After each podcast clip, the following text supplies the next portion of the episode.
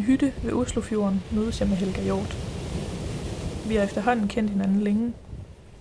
Selvom udgangspunktet for vores bekendtskab var en helt anden karakter, så har kontakten mellem os med tiden båret et fint og nært venskab med sig. Vi snakker meget, om mange ting, når vi mødes. Jeg havde derfor også lyst til at invitere hende til at medvirke i en episode her.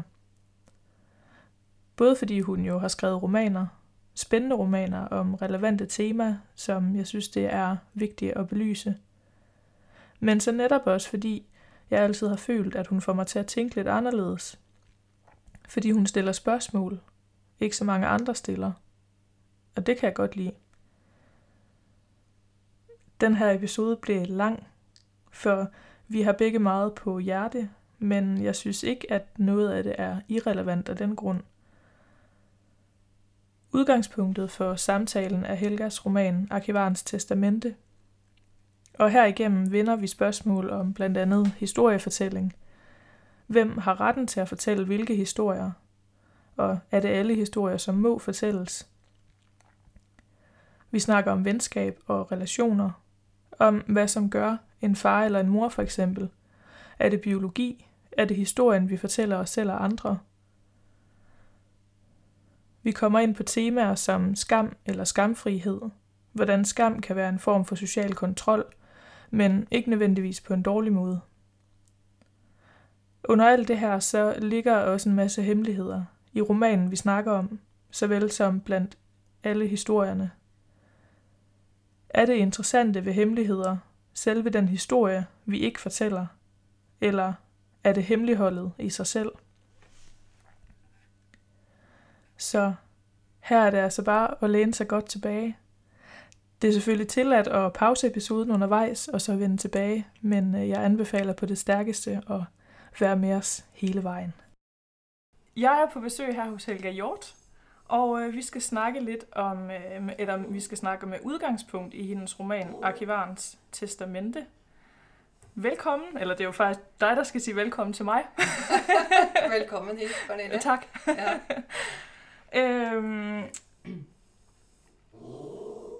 Jeg må beklage hunden. ja, ja, det vil kan være, der kommer lidt sådan øh, underlige lyde indimellem. Det er ikke os, der har dårlig mave, det er øh, en hund, der også gerne vil være med.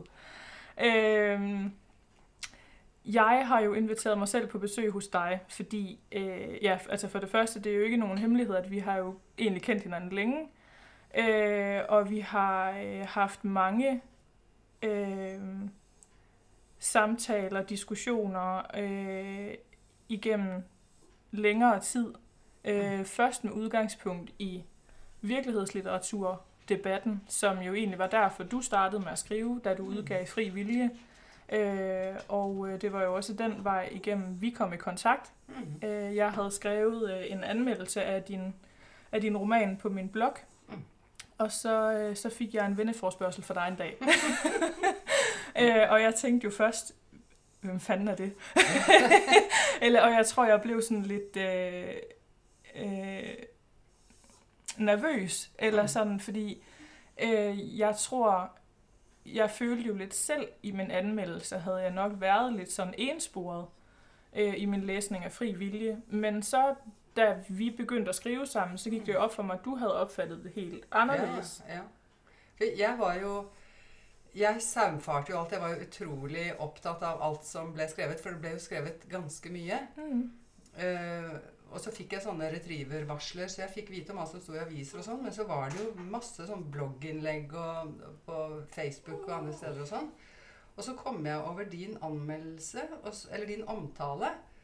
Og så syns jeg at den var liksom helt annerledes enn Mm. andre, fordi at den var ikke sånn eh, Jeg så jo at du hadde Du var veldig sånn eh, kritisk du, du ga veldig tydelig uttrykk for at du hadde vært skeptisk til lesningen av min bok i utgangspunktet, men samtidig så stilte du også noen sånne spørsmål. Du sa at 'Hvorfor blir jeg så frustrert?' Mm. Eh, og det syns jeg liksom var Du var sånn åpen i, i tilnærmingen som gjorde at, eh, at jeg liksom tenkte at dette her er en som, som ikke mener noe om meg, eller som har noe sånn egentlig forutinntatt, men som bare er ærlig med sin egen forutinntatthet. Liksom, Mm. Som sa at, at sånn eh, Sånn nærmet jeg meg dette, og hvorfor gjorde jeg det? Mm. Og, og så syns jeg at det var interessant. Eh, og så eh, og, jeg har jo liksom I forbindelse med at jeg skrev den boka, så var jeg ganske sånn Jeg tok masse kontakter med folk, Mm. for jeg syntes det var litt sånn fint å komme i dialog med Mm. folk, egentlig. Og de fleste syntes det var ålreit. Og så, og så fikk jeg liksom napp hos deg, og så svarte du, og så tok det veldig kort tid før vi hadde delt masse ting. Mm. Eh, og, og så ja, På en eller annen måte klikket det, tror jeg. fordi jeg tror vi, vi, vi tenker litt likt om hvordan man kan nærme seg problemstillinger, og, Ja. og hva slags spørsmål man stiller, og, og at man er ærlig i forsøk på å finne svar og sånt. da. Ja. ja, fordi jeg tror, jeg blev lidt overrasket over, øh, at en forfatter tog kontakt med mig. Altså, fordi jeg havde jo egentlig ikke haft den her blog så vældig længe på det tidspunkt. Nei. Øh, og jeg var jo egentlig ikke rigtig vant til at få feedback på det, jeg skrev. At der rent faktisk var nogen, der læste det, jeg skrev. Mhm. Øh, og så lige pludselig, at forfatteren til bogen kontaktede mig. Mm. Og, øh, og, og jeg tror også, det var derfor, jeg blev sådan lidt betænkelig. Mm. og blev lidt sådan nervøs og tænkte, oh nej. Ja. øh, men netop som du siger, jeg fornemmede jo også hurtigt, at vi... Øh, at det var vældig let at, at snakke med dig. Mm. Øh, som du siger, fordi vi nok også ser vældig ens på mange ting. Øhm, og så var det nok også sådan helt grundlæggende det her med, at, at jeg netop altid har været en person, som ofte, hvis jeg bliver mødt med et eller andet, som, øh, som undrer mig, at så har jeg nok en tendens til at vende det, eller se på det fra lidt andre vinkler, end mm, hvad de fleste måske gør. Øh, og det følte jeg, at du, du opfangede, og at du responderede rigtig godt på. Mm. Øh, og det er jo også det er jo også lidt det at vi vi har jo vi har jo øh, vi snakker jo også om mange andre ting end bare Mm. virkelighedslitteratur. Øh, og, og det her med og jeg altså jeg føler at du har udfordret mig på rigtig mange måder, Mm. selvom vi er enige om mange ting, Mm. så så bliver jeg alligevel også udfordret i min tankegang. Mm. Øhm, og jeg synes, at jeg synes, altså jeg synes det, er, det er interessant, det her med, hvordan en relation kan udvikle sig på den måde. Altså det her med, for det første, så jeg boede i Danmark på det tidspunkt, og du boede i Oslo. Mm. Øh, vi var så forskellige øh, øh, baggrundsmæssigt. Altså for det første, så er du jo langt ældre end mig, Mm. Øh, og du har haft en helt anden opvækst end mig, et helt andet, altså opvokset i et helt andet miljø, og så alligevel, at man så, så tilfældigt på en eller anden måde Mm. mødes, og så er fælles om noget, synes jeg er, er utrolig interessant. Mm. Øh, og at det nok også er det, som har mm, drevet det lidt på en Mm. måde. Men samtidig så tenker jeg at det er jo ikke så rart. Eh, men det er kanskje noe som jeg også har merket opp, for at jeg har jo hatt et ganske langt arbeidsliv. Mm. Eh, og da er det sånn at det, på en arbeidsplass så er man opptatt av noen, forskjell, av noen Mm. ens prosjekter som vi jobber Mm. sammen med. Og da connecter man veldig bra med folk ut ifra interessen for et spørsmål. Ja. Og ikke nødvendigvis om hvor man er vokst opp, og hva slags søskenforhold, om du er sint på mora di, eller om du er Mm. liksom Hva du har vært utsatt for eller ikke vært utsatt for, og hva slags hobbyer du har. Og det er liksom Og det, og det er kanskje noe med det at eh, Så det, det er ikke så underlig, egentlig, at man, men det er kanskje ikke så ofte at man eh, At man kommer i, i sånne nære altså, For det er en sånn kombinasjon av, sånn fag eh, Mhm. og, og saklige spørsmål og veldig personlige og nære ting. Så det er Ja. kanskje den miksen Ja. som har gjort at det, at det har vært eh, dannet et godt utgangspunkt for et vennskap hvor vi har på en måte kommet veldig nært Vi har åpnet, hverandre, altså åpnet Mhm. oss veldig for hverandre, da. Ja. ja, men jeg tror samtidig også, det har at gøre med det der med at give det. Øh, altså at øh, på, med hver sit udgangspunkt brænde for noget, Mm. men så møde en, som er lige så engageret, Mm. som man selv er, men måske på nogle andre forudsætninger. Mm. Øh, og så at det spiller sammen på en eller anden måde. Fordi mm. altså, da jeg begyndte at interessere mig for den her debat om virkelighedslitteratur, så var det jo udelukkende et fagligt anlæggende. Mm. Og jeg synes, at debatten var interessant rent litteraturvidenskab, mm. eller ja, ja. litteraturfagligt. Ja. øh, men men øh, som du siger det der med, så er det jo også en meget personlig ting. Mm. Øh, og det fornemmede jeg jo også hurtigt, og jeg fornemmede også selv, at, altså hurtigt, at det blev personligt for mig, mm. selvom jeg egentlig ikke som udgangspunkt havde noget personligt i det. Mm. Så blev det det. Ja, ja for jeg tenkte også, at når jeg tog, som du sa, at det er ikke så ofte at forfattere tog kontakt mm. med mig, eh, eller med dig, eh, så, så var jo ikke, jeg oppfattet jo ikke at jeg var forfatter som Nei. tog kontakt med dig. Nei. Fordi at det var litt eh, Jeg kom til å tenke på at når jeg hadde skrevet Arkivarens testamente, så var det en anmelder som skrev noe eh, om boka mi. Mm. Og så tenkte jeg oi, det syns jeg var veldig interessant. Det, det, kunne jeg tenke meg å høre. Hva, hva, mm. hvorfor skriver du det, eller hva tenker du om det? Og så sa de på forlaget er du gal, du kan ikke ta kontakt med en anmelder. Det er jo helt så uprofesjonelt. ja. Og, så jeg gjorde jo ikke det. Men, men, jeg tenkte jo ikke sånn når Jeg tenkte jo ikke at jeg var forfatter som tok kontakt med deg. Jeg tenkte at jeg var et menneske som hadde masse spørsmål rundt uh, litteratur og mm. virkelighet og liv. Og så, var, så traff jeg en, en, person med et uh, litteraturfaglig blikk mm. som var opptatt av de samme tingene. Og da syns jeg at det var eh, en spennende eh, mm. ting, eller sånn helt veldig naturlig ting å gjøre, på en ja. måte. Å ta den kontakten. Ja, ja for jeg synes også, det, det er det, der er synd øh, i nutidens, eller jeg ved ikke, hvordan det har været før, jeg er ikke så gammel, men, men, men den måde, man kører litteratur, øh, debat og kritik på i dag, det her med, at man ser helst ikke, at forfatterne blander sig. Mm.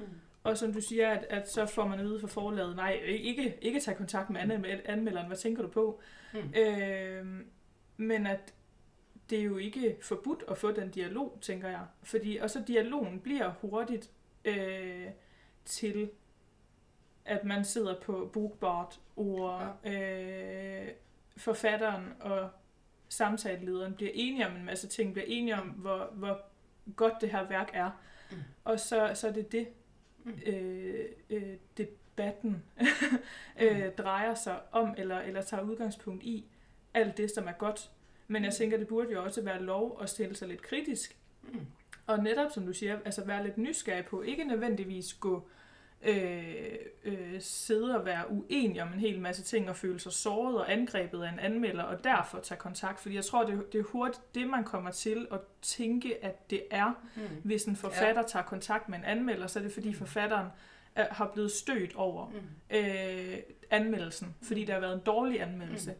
Men jeg tænker, man burde jo også bare kunne tage kontakt med anmelderen, fordi man synes, det er en interessant læsning, mm. Mm. eller en god læsning, mm. men at det bringer nogle spørgsmål frem. Mm. Og jeg tænker, det, det, kunne jo, det tror jeg kunne være rigtig værdifuldt, hvis man åbnede op for mere af det. Mm. En dialog om den kritik, som kommer i aviserne for eksempel. Mm.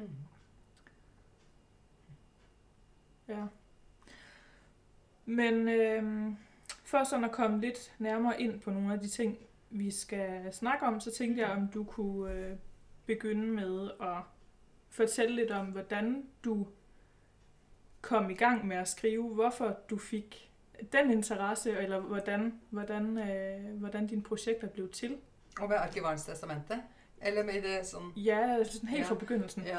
Nei, altså helt fra begynnelsen så, så har nok jeg også vært i likhet med flere andre i min familie. Mm. For uh, så har jeg vært glad i å skrive. Og jeg har hatt lett for å skrive. Mm. Uh, og, og, på et tidspunkt så, så, tenkte jeg at jeg ville bli journalist. Og aller helt sånn når jeg var sånn på, på riktig når jeg var sånn 18-19 og sånn, så tenkte jeg at jeg ville bli forfatter. Mm. Uh, men, men um, sånn ble det liksom ikke. Det var ikke sånn det passet. Og så skulle jeg jo ha en utdanning, jeg skulle ha en jobb og sånn. Og så plutselig så hadde jeg begynt å studere juss. Uh, men um, som uh, Altså, jeg har jobbet uh, i forvaltningen, så jeg har jo som byråkrat så har jeg skrevet enormt mye. Mm. Fordi det er jo skriftlig saksbehandling. Det er sånn vi holder på. Ja. Med å skape dokumentasjon for forvaltningens virksomhet. Det er liksom sånn byråkrater jobber. Og da har jeg jo skrevet utrolig mange forskjellige sjangre. Mm.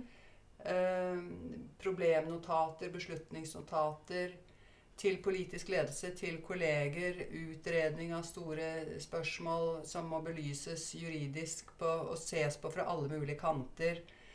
Eh, det har vært eh, beslutningsnotater, kanskje, eller sånn forberedelse av ting til politikere som skal i vanskelige debatter.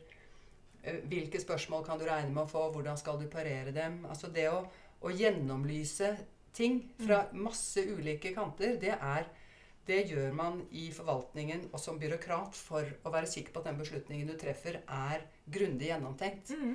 Og du skal hjelpe politikeren til å gå ut og fronte et synspunkt.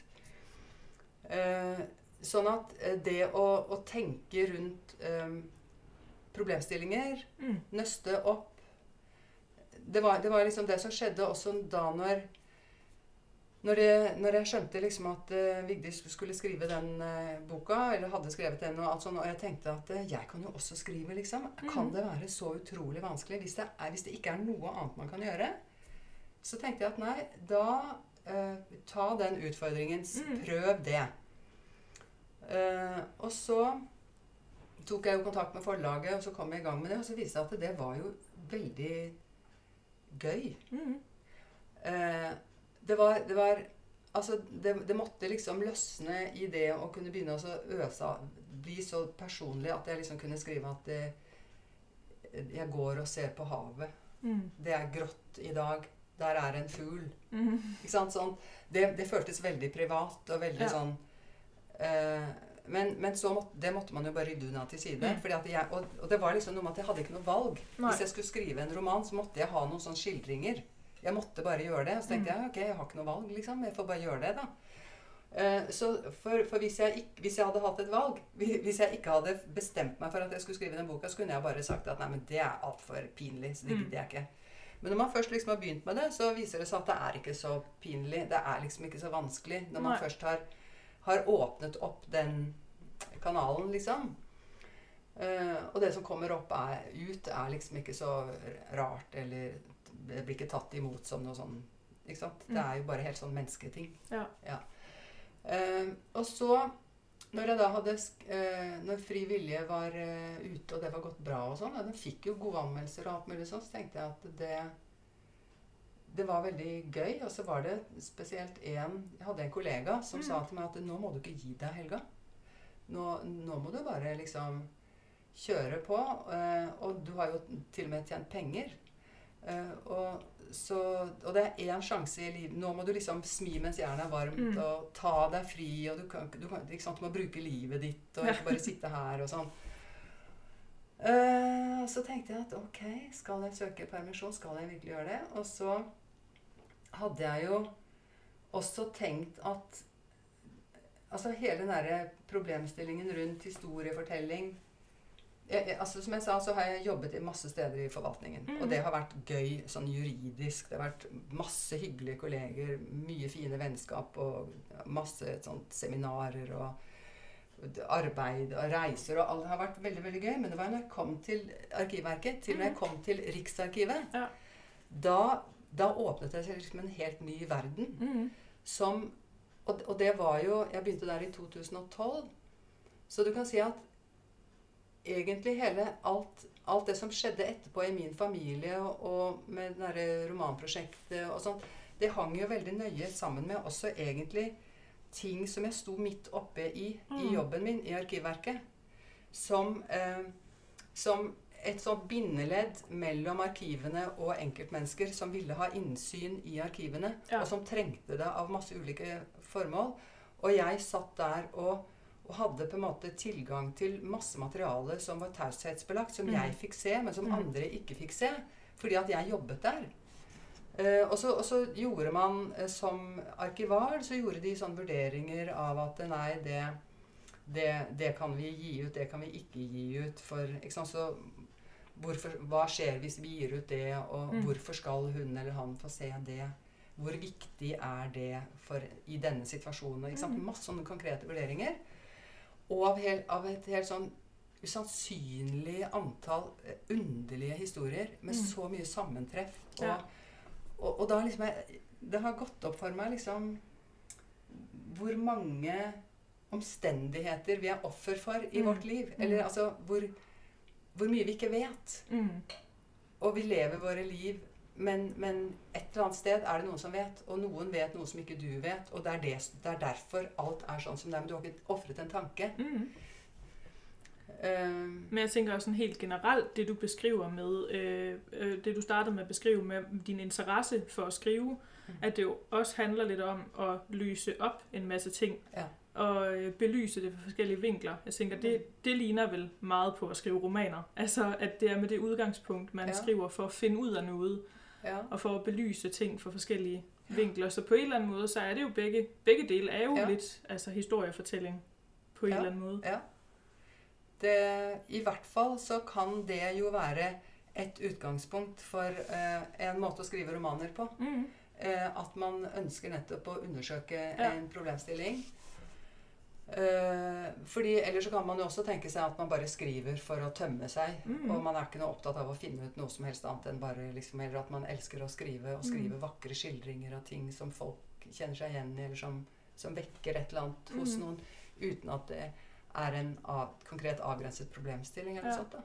Men jeg tror egentlig også, at det, jeg blev i hvert fald sådan lidt overrasket over, at det her med, altså med arkivværk, det at arbejde i et arkiv, at det faktisk har så meget, så mange tråde til romanskrivning, eller det at læse, det at fortælle historier. Øh, og at det, altså, jeg blev jo utrolig grebet af Arkivarens Testamente, fordi at det netop taler til noget i mig, som, altså, det har så stor interesse for mig, det her med historiefortælling. Og så, så da jeg læste den, så kom jeg til at tænke på en, øh, en gammel dansk øh, julekalender Mm. øh, fra, øh, fra 90-tallet, som foregår på Danmarks Rigsarkiv, Oh. øh, hvor det er, det er sådan, øh, tre nisser, som bor på Danmarks Rigsarkiv, og så er der ham her, arkivaren, arkivar Bertramsen. Mm. Øh, og øh, der, der kom flere øh, julekalender i den række med forskellige plot. Men, men at det øh, i alle, i alle øh, udgaverne, så handler det netop om det her med, at de går tilbage i historien, at de bruger arkivet til at finde en masse gamle historier, Mm. og fortæller det, altså videreformidler det i en eller anden form. Øh, den første var Danmarks historien. Så har det været historien om, hvordan julen egentlig opstod, eller Mm. mm. historien om nissen. Øh, så har det været gamle eventyr, øh, både Brødrene Grimm og H.C. Andersen osv. Øh, og jeg kan huske, at jeg var så fascineret af den her julekalender. Øh, og, øh, og som barn så tænkte jeg, at det er det, jeg skal. Jeg skal bo Mm. på et arkiv. øh, men så, så har jeg jo fuldstændig glemt det øh, igen med, med tiden, og det er jo ikke noget, jeg har tænkt over siden dengang. Men da jeg så læste Arkivarens Ja. testament, så tænkte jeg, hvorfor var det, jeg ikke blev arkivar? Ja, ja, ja. Det er ikke for sent. Nej. øh, så jeg tror, at øh, det var derfor, jeg blev så grebet af den. Øh, fordi man tænker jo ikke over, og som du siger, at vi er jo omgivet af historier overalt, uden egentlig at lægge mærke til det, at Ja. alle er en del af en historie, øh, bevidst eller ubevidst, og, og de findes de findes overalt. Ja. Men at det handler om at få dem, få dem støvet af, altså fordi jeg tænker jo i sådan et arkiv, der ligger mange historier, mange Mm. som aldrig nogensinde bliver læst igen, Mm. som ingen interesserer sig for. Og kanskje kan det også være, mm, at mange historier kommer frem ved et tilfælde. Mm. Det, det er jo i hvert fald lidt det indtryk, jeg får, når jeg læser Arkivarens Testamente, at Mm. den historie, der bliver fortalt der, det er jo lidt en tilfældighed, at den Ja, ja. kommer frem. Ja.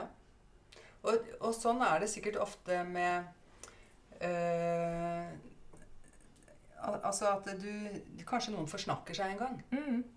Det det er, eller, eller setter deg på sporet av en eller annen tanke, eller setter noen på, på sporet av en eller annen Og så begynner man liksom å, å dra i en tråd. Ja. Og så viser det seg at et- den tråden fører jo faktisk noe sted, men i, i utgangspunktet er det bare en liten trådende som ligger borti en krok. Mm. Og, du, og he, alt er greit, men så plutselig så begynner du å trekke den, og så, og så åpner det seg noen helt andre perspektiver. Ja, og så nemlig. drar du, og så er tråden lang, og så er det knuter på den, og så til slutt så bare følger det med en Mm. svær sånn vase av masse Ikke sant? Masse garn. Ja, men det er jo også det der med så at blive i stand til at koble ting sammen. Ja. Øh, hvis du, du får en fortælling, øh, så kan du så, øh, Ja, ja. så får du måske en anden fortælling 10 år senere, Ja, ja. men så kan du koble det tilbage til det, du fik at vide før. Mm. Og som du siger, så bliver det bliver sådan et eller andet net, man får Ja. ja. spændet sammen, og så og det, altså, det er jo lidt altså, sådan klichéfyldt, men det livet er, at man sådan ligesom spænder ja. videre på det her net, man, man får lagt ud med jævne mellemrum. Mm. Men, men jeg tænker sådan, for ikke at sidde og tale i toger, for de som kanskje ikke har læst din bog, øh, om du øh, kan øh, fortælle lidt om, hvad, hvad det er for en bog, hvad den handler om. Eh, den handler om en eh, ung eh, nyutdannet jurist Mm. som får seg jobb på et arkiv. Eh, og så eh, dør en eh, gammel og aktet arkivar eh, oppå der eh, og etterlater seg et brev til henne. Hvor det fremgår at han trenger hjelp fra henne Mm. til å rydde opp i noe han ikke fikk tid til å rydde opp i selv. Fordi at nede i, i arkivet der så har han surra litt eh, rundt Mm. og gjort ting han ikke skulle. Og, og hva som er motivet for det, det får man jo kanskje ikke helt vite. Det må man tenke seg, Og det kan jo være ulike årsaker til det. For Mm. den historien, den, den er ikke fortalt ennå. Eh, hvorfor han gjorde alt dette. Men, eh, men i hvert fall så finner hun fram til denne esken som eh, denne arkivaren som heter Gudmund har sagt at den må du brenne. Fordi Mm. at eh, det er over, liksom. Men hun klarer jo ikke å brenne den esken, og hun, hun, hun søker råd hos en annen arkivar som sier at er gæren, en arkivar brenner jo ikke ting. Ja. Og når Gudmund Gravdal har spart på noe sånt, Ja. så er det selvfølgelig av verdi. Så du må ikke tro på at det er uvesentlig, som han sier. Og så åpner, åpner de den esken, og så åpner det seg jo masse historier. Mm. Som, det er masse sånne trådender som de må begynne å trekke i. Eh, og så viser det seg at ting henger sammen på, Mm. på helt andre måter enn de har tenkt. Ja. Eh, ja. Men hvorfor er det, han ikke bare brænder den selv? Altså hvis det, hvis det er noget, han ikke vil have, at der er nogen, der skal vide, hvorfor... Ja, det, Hvorfor det det er kan, overladet altså til det, andre? Du kan si at det er jo eh, Det kan jo være både et praktisk eh, Mm. forhold eller et eh, noe villet.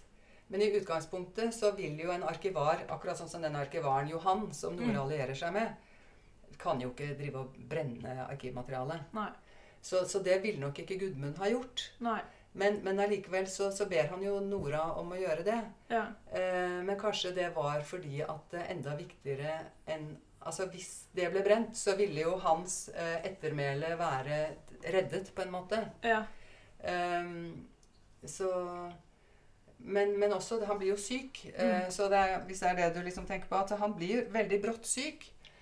Ehm, og, og det er rett før påskeferien. Eh, og og han, han blir så Han får kreft. Og det er kommet langt. eh, og, og det blir påskeferie. Og han kommer seg rett og slett ikke tilbake til jobben. Ja. Eh, så det eneste han kan gjøre, er å, å ta kontakt med sin gamle venn, Mm. som han ble kjent med en gang han studerte rettshistorie. Mm.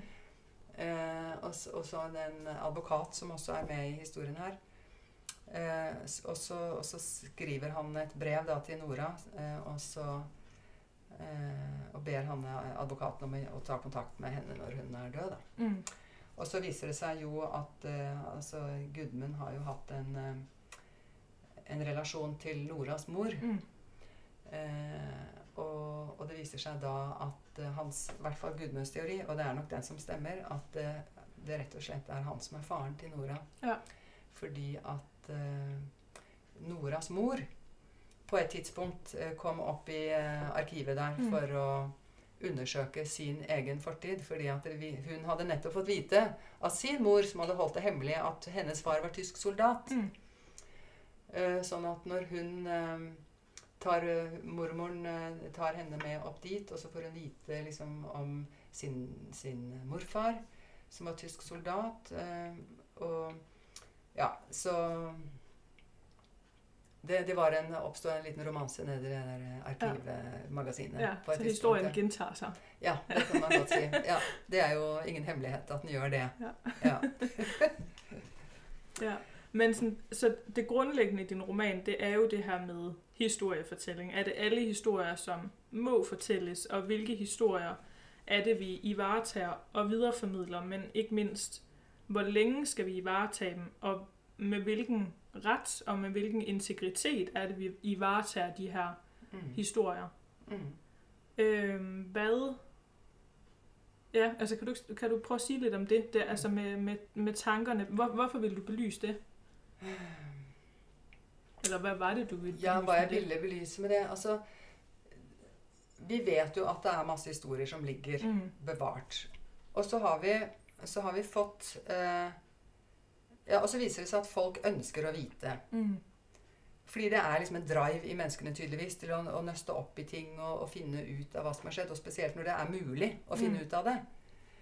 Eh, men så var det det der personverndirektivet Mm. som kom. Så på et eller annet, og, altså Personverndirektivet snakker om retten til å bli glemt. Ja. Eh, og så er det de, det, er, det blir litt sånn veldig motstridende eh, mål, på en måte. Retten til å bli glemt, og retten til å få vite, og retten til å bli husket, eller retten Ikke sant? Det er alt dette herre Det er så mye Det er så mange gode formål og så mange gode tanker, og som hver for seg virker veldig sånn fornuftig og godt. Mm. gode ideer.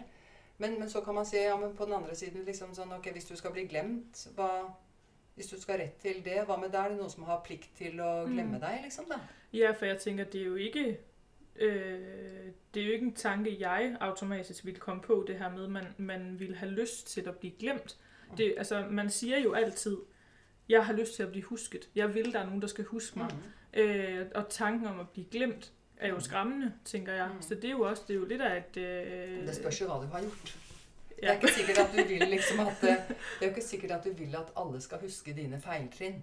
Nej, eller at, du, men, at sykejournalen din skal bli husket. Eller at, og hvem skal huske, og hvem skal ha rett til å, ja. til å huske deg. Men det er jo også lidt interessant, så hvis, vi skal, hvis man skal begynde at snakke om, hvad det så er, vi skal huske, så skal vi glemme alle de dårlige ting, fordi man har ret til at blive glemt Ja. for de dårlige ting, man ja, har gjort. Men man har også ret til at blive husket for alle de gode ting, man har gjort. Det er jo... Øh, Men det er, er det ikke sånn eh, Det er jo sånn de fleste av oss er. Vi ønsker jo å holde noe privat, liksom. Du Ja. kan si det, det er i hvert fall mitt inntrykk at de fleste ønsker å fremstå som skikkelige, Mm. ordentlige mennesker med å mm, Og så er vi Så sparer vi det å fortelle om våre dårlige sider Ja. og våre feiltrinn og sånn, det sparer vi til noen som vi stoler på, ikke vil fortelle det videre, Mm. eller som Mm. vil deg vel, og som på en måte klarer å ta det onde med det gode, eller hva man skal si, da. ja. Men det er jo også lidt det her med at have magten over sin egen historie. Ja. Eller magten over historien i det hele taget, slagets gang. Mm. Øh, for der, er- der er jo for eksempel en scene i, i din roman, hvor øh, øh, Gudmund fortæller om, hvordan han, han kan blive sådan helt opstemt ved tanken om, at han går rundt der i arkivet, og at den, som har tilgang på Mm. dokumenterne, øh, at, nogle af dokumenterne skal jo behandles varsomt. Han går rundt med de her hvide handsker på, og at det kun er ham, som må røre ved dokumenterne. Mm. Og så er det ham, der har magten til at låse gæster og besøgende ind, og så bestemme, hvilke dokumenter de må se, og han kan bestemme, at de må ikke røre ved dem. Det er kun Mm. mm. ham, der må Mm. det. Øh, og så i forlængelse af det, så bliver der beskrevet, hvordan han som ung øh, arkivar går, går rundt i arkivet her og tager på dokumenterne, smager på dem øh, og onanerer i arkivet. Og altså får udløsning ud over dokumenterne, hvor jeg sådan tænker det her med, og så det er jo et eller andet trang til sådan at sætte sine spor Mm. i historien. Eller, eller, og, det, men, og det er jo to ting. Det er jo både det her med magt, magt, magt til at markere Mm. sit territorie, Mm. men også øh, netop lø- altså det er ikke at blive glemt, fordi øh, Gudmund er jo en ret ensom sjæl på mange Mm. måder, og han har lidt vanskeligt ved, Mm. øh, ved relationer, Mm. særligt til kvinder. Mm. Øh, så, så jeg ser det også som sådan en eller anden form for trodsig handling. Altså, at øh, hvis ikke der er nogen kvinde, der vil have mig, så kan jeg i hvert fald sætte min spor på andre måder. Øh, og så går han der og, Mm. og, og, og overvejer, om han skal destruere de her dokumenter, Mm. som han har en bestemt magt over. Mm. Mm. Det synes jeg er nogle ret, øh, Mm. ret interessante spørgsmål, der, sådan, der dukker op med, Mm. med, med det. Ja, fordi hvi- hvis man liksom eh, Dokumentene er jo Enda de ligger i en kjeller og sånt, så er de, de, de, er, de er ment for evigheten på en Mm. måte i et sånt arkiv. Sånn at du, du setter mye mer spor etter deg ved å holde på med dokumenter Mm. enn ved å lage barn, f.eks. Ja. Sånn at det, det er liksom ehm, sånn at eh, og, og det er som du sier, en, en, et substitutt eller en erstatning eller en men, men i det hele tatt det derre Men jeg, jeg kan også liksom selv ha tenkt på det En sånn derre type ærefrykt eller noe sånn derre Mm. storhet i å komme ned der og tenke på Tenk at jeg får være her. Ja. Og at, at hvis man da er eh, Altså og, det å vite at hvis du, hvis du ødelegger et viktig dokument så, Mm. ikke sant? Og det er det som er med arkiv. Det er dokumenter som finnes i bare ett eksemplar. Mm. I Nasjonalbiblioteket så har man pliktavleverings... Der avleverer man ting som er publisert. Og det Mm. fins i flere eksemplarer. Men det som er spesielt med liksom, kjennetegn med arkiv, det er dokumenter som fins i ett eksemplar. Mm. Sånn at hvis du ødelegger det eksemplaret, så er historien forandret, på en måte. Ja. Ehm, og det er noe veldig fascinerende ved den Mhm. eh, tanken. Eh, og at Også fordi at de som jobber som arkivarer, de blir liksom sånn De blir så ekstremt opptatt av det. Mm, Og de, de mm. blir liksom Sånn at ar, også det at arkivaren er en del av historien. Fordi at Ja. arkivarens arbeid går også ut på å kuratere historien, på en måte. Mm. Sånn at eh, hvis man skal forske på noe, et sp- spesielt spørsmål, sånn, du trenger hjelp fra arkivaren til å gå og finne relevant materiale. Mm. Og hvis du da har en arkivar som er kreativ, eller som har spesielle kunnskaper om en spesiell Mm. episode eller en spesiell tid, eller noe sånt noe, så vil kanskje den arkivaren kunne finne tråder og, og hjelpe deg liksom, i en bestemt retning. Ja. Mens andre vil kunne ikke finne noe i det hele tatt, Ja. eller finne helt andre retninger. Mm. Og, og, og det, sånn at det, eh, det, det å også ha den rollen jeg vet, Det er ikke sikkert at arkivarer jeg, jeg er jo ikke historiker, sånn at jeg har bare sett på dette på avstand på en måte, Mm. eller betraktet det, liksom. Ja. Men jeg syns det er noe veldig fascinerende ved det. Jeg tror egentlig så, så kunne jeg veldig godt ha likt å vært eh, historiker eller vært eh, Ja. arkivar eller liksom Ja. jobbet med noe sånt. da. Ja. ja, fordi samtidig så er der jo også et andet øh, interessant twist i den her fortælling. Det er jo det her med, som jeg, som jeg sagde før, at Gudmunds liv er jo på en måde i arkivet, og han Mm. vil sætte sine spor i historien på en eller anden måde. Mm. Øh, men så er det jo faktisk også sådan, at Nora jo faktisk muligvis bliver undfanget i Ja. det her arkiv, hvor han tidligere har forsøgt at sætte sine spor. Mm. Øh, og det er jo Nora, som skal tage historierne videre. Mm. Øhm. Ja. Men øhm, Det er jo morsomt også, fordi at vi, vi har jo snakket litt om det før òg, for du er jo så Du er jo så Du legger så mye i lesningen din. Mm. Så det er, det er veldig sånn spennende å høre hva alt du klarer å så liksom dra inn i Mm. den historien. Fordi at du har din, du har din historie Mm. som du kan som legge inn i dette dokumentet som denne boka her er. Ja. Fordi at det, dette her er jo også bare en roman eller hva som helst. Det er jo også bare et bindeledd mellom eh, en leser og en forfatter. Mm. Fordi, som setter i gang Sånn at når, når denne boka har satt noe i gang hos deg, så, så formidler du det til meg. Og så, Ja. ikke sant? så, så det, er, det er veldig gøy å høre ja. det, da.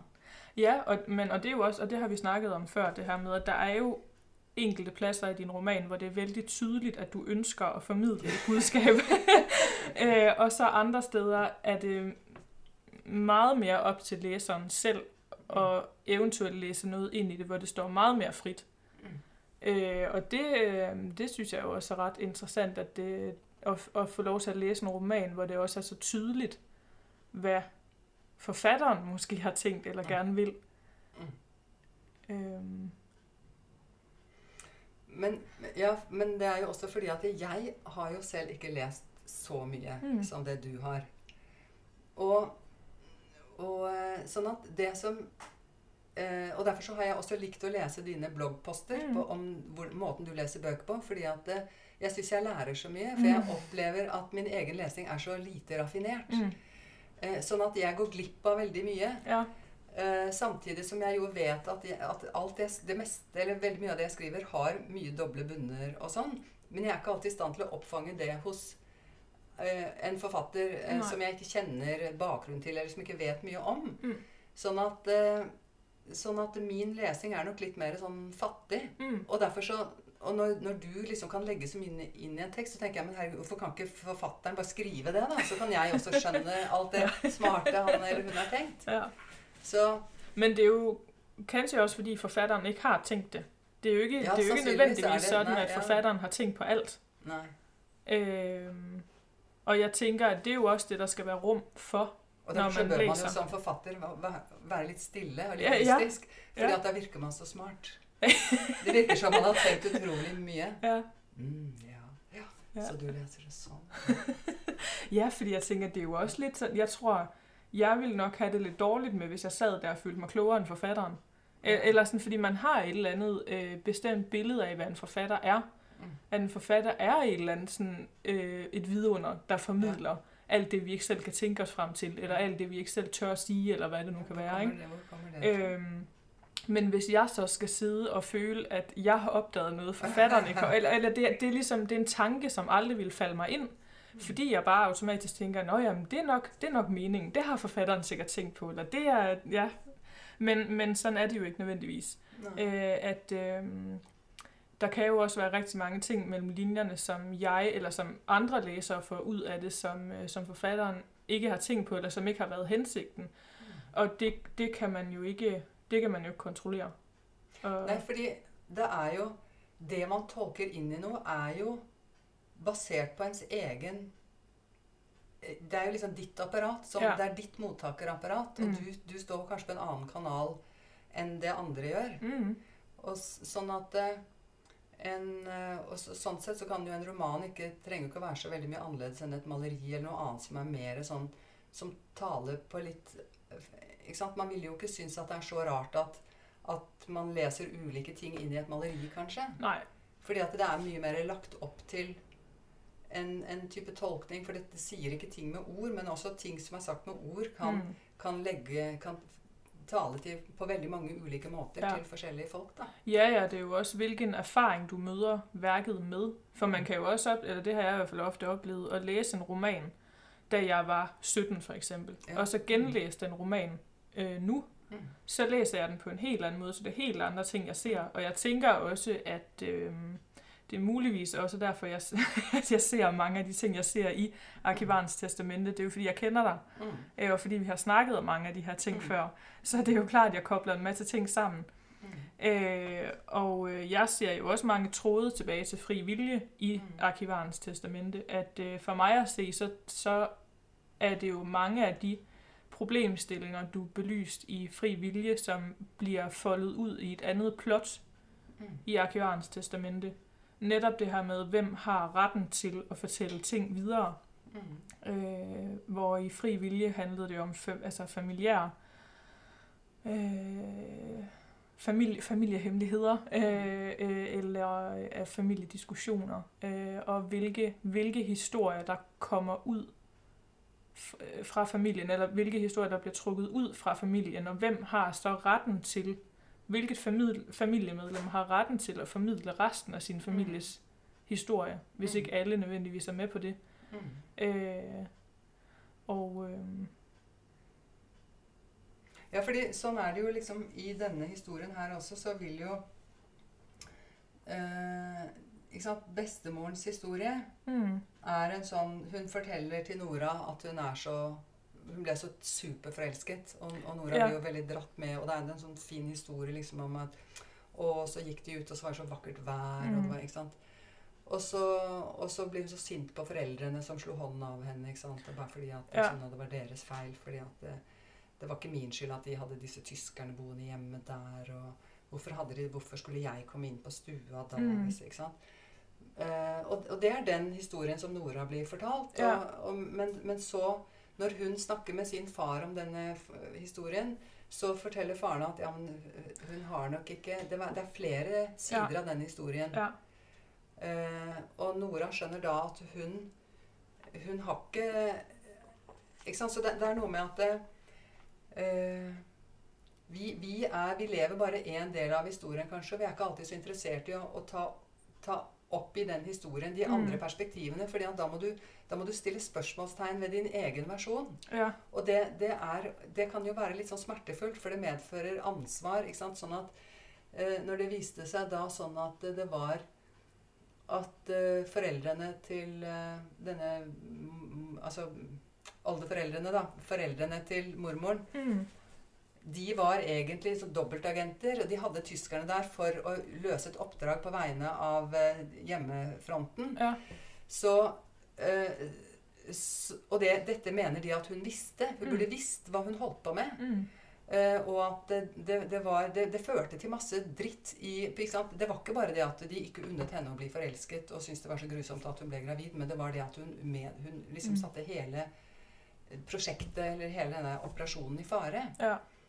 Eh, og, og, og dette har ikke hun fått vite før liksom hun har fortalt det til faren igjen. sånn at og, og det er noe med at hvis du skal få vite historier, så må du også dele ting. Mm. Og, og hva andre deler med deg, avhenger av hvem du er. Ja.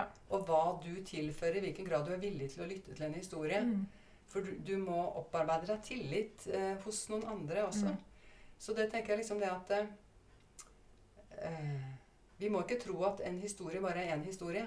Det er alle sidehistoriene, og så må man det kanskje da være åpen for å, å lytte til flest mulig av de historiene, og så må man tenke at kanskje ingen har rett, eller kanskje alle har rett, eller Ja. selv om, selv om jeg, jeg mener eh, ikke Altså rundt dette her ting som faktisk er skjedd. Eh, det blir jo litt, litt andre diskusjoner igjen. Men Mm, altså mm. all, folks motiver rundt uomtvistelige handlinger Mm. eh, Hun ble gravid, og, hun, hun, ikke sant? og han var tysk soldat. Men, men hvorfor de ikke Hvorfor hun måtte flytte hjemmefra og sånn, det, det handler om motiver, og det handler om hva man har tenkt om hvorfor. Ikke sant? Og alt dette her er på en måte hvilken lesning du velger å gi, da. Og, og hva Ja. du leser ut av noe, handler om, om hva, du, inn, hva du har å legge i den Mm. i, liksom, i teorien din Mm. selv, da. Men jeg tænker også, at øh, det her med, hvilke historier vi fortæller os selv og hinanden, handler jo også om overlevelse. Altså, hvilke historier er det, du skal have for at kunne overleve? Mm. Hvilken... Øh, øh, ja, altså fordi du, mm, du skriver om det også et eller andet sted, det her med... Øh, altså netop, hvordan både mormoren, men også faren formidler øh, de ting, som er gået forud for Nora, hvor øh, ja, altså Nora, hun har snakket med faren og med mormoren, og de har fortalt deres versioner af, hvad som er sket, og så står der, øh, så forstod hun jo, at det var sådan, det var, og hvorfor det var sådan. Øh, det var det ikke noget vanskeligt ved at tro på. Og altså, det synes jeg er ret interessant, det der med, det er ikke vanskeligt at tro på, men det er jo fordi, hun gerne vil tro på det. Hun vil gerne tro på, at det var sådan, det hang sammen, fordi det giver mening nu Mm. for hende, og det kan jeg også er den mindst, eller den, ja, den mindst smertefulde Mm. fortælling om det. Altså hvis, hvis at hun får et eller andet fortælling om, at øh, øh, ja, fra mormoren, at øh, hun var øh, vildt forelsket i den her tyske soldat, så er det jo en helt, så det er et helt andet billede, hun får af sin mormor, Mm. End hvis der blev fortalt, at øh, mormoren blev voldtaget af en tysk soldat Mm. og blev gravid. Mm. Eller, eller det samme med Gudmund, at øh, moren og, øh, og Gudmund øh, mødtes der i arkivet, og der var et eller andet, at, at det, det bliver til en sådan kærlighedsfortælling, i stedet Mm. for et eller andet øh, rationalistisk fortælling om at bringe sin arv videre, eller mm. sådan noget. Fordi, fordi det er jo også, øh, det er jo et aspekt i romanen også, det her med, at øh, det kommer jo frem, at Noras forældre ikke har kunne få børn selv, Mm. Øh, og at... Mm, ja, så vidt jeg husker, så, så bliver det også forklaret, hvordan de egentlig har diskuteret det her med, om de så Mm. skulle adoptere, men hvor faren Mm. har været lidt sådan, nej, det skal være Mm. biologisk rigtigt, eller Ja, men det var i ingenting. hvert Eller, fall det hun har tenkt. Ja. Eh, men ikke sant, at moren tenkte at eh, han var biolog, og det, for Ja. han så betyr det ikke noe hvis ikke det er eh, hans gener. Liksom, Ja. Sånn at eh, det, han vil ikke ha noen annens barn. Mens, mens han, det han forteller til Nora, er at eh, det, er, det er et biologisk faktum at det er masse mennesker som ikke får barn. ja, Hvor, hvorfor eh, det, det kan vel vi takle, eller noe sånt. Det er den forklaringen han gir. ja, Eh, og, og skal vi nå adoptere, hvor, hvor skal vi bringe flere mennesker til vår del av verden som skal Mm. ha, bli storforbrukere av liksom sånn, og klima og miljø og bla, bla. Så eh, det er mange måter å, å forklare det Mm. på. Men moren har hatt en oppfatning av det som i hvert fall hun hadde fortalt til eh, mormoren. Ja. Eh, men nå nå er det mulig at jeg blir litt sånn rasjonell her rundt det. Så jeg, jeg var Men- litt usikker på hvor du ville her. Men det er jo også et, netop et aspekt det der med, hvordan man formidler det. Ja. Altså, at så har moren måske formidlet øh, historien om, hvad der skete i det arkiv på en måde til mormoren, og så hun formidlet det på en, andet, på en anden måde til sin mand, Ja, og øh, aldrig har formidlet det til sin datter. nei. Øh, så det bliver jo forskellige fortællinger hver gang. Men, men ikke sant, her har jo ikke Det viser seg jo at faren og moren har ikke snakket om dette her. Nej, Men, men han har visst. Eh, fordi at eh, Og det er fordi at han eh, Han syntes jo det var veldig pussig at hun ble gravid plutselig. ja, men det som han syntes var enda pussigere, var at ikke hun syntes det var noe pussig. Og hvorfor spør, hvorfor spør ikke hun Normalt så ville hun sagt masse kommet med masse spørsmål. Ja. Du som er biolog, du dette må du forklare Ja. meg. liksom. Jeg er jo liksom, Hvorfor er jeg gravid nå etter 15 Mm. år? Eh, men, men, det, men hun sa ikke det. nej, Og, Ja, der, for- ikke sant? og derfor så skjønte han at eh, ok, men det er greit, det. ja, Jamen, Nå skal jeg bli far selv om, selv om ikke det var meningen. Men, men og så la være de å snakke om det noen gang. ja, Og så okay. blir det deres fortelling, på en måte. Ja, Og, og når hun når Nora da blir født, og, og, og han må sign for, for siden ikke de var gift, så måtte han signere et dokument mm, og erkjenne farskapet. mm, Så ser, så, så ser moren til Nora og faren på hverandre, og så blir de liksom enige om at det er greit, det. Vi skal ikke Ja. snakke om dette. Vi skal ikke være bitre, vi skal ikke være sånn. nej, Dette er vårt barn, og dette er vårt prosjekt. ja, Eh, sånn har i hvert fall, det, men det er mulig du har lest det, men det, sånn har jeg tenkt det, liksom. Jamen, altså, og jeg, jeg kan ikke, øhm, jeg kan Ja, ikke ikke huske, hvad, hvad, hvad som konkret øh, står.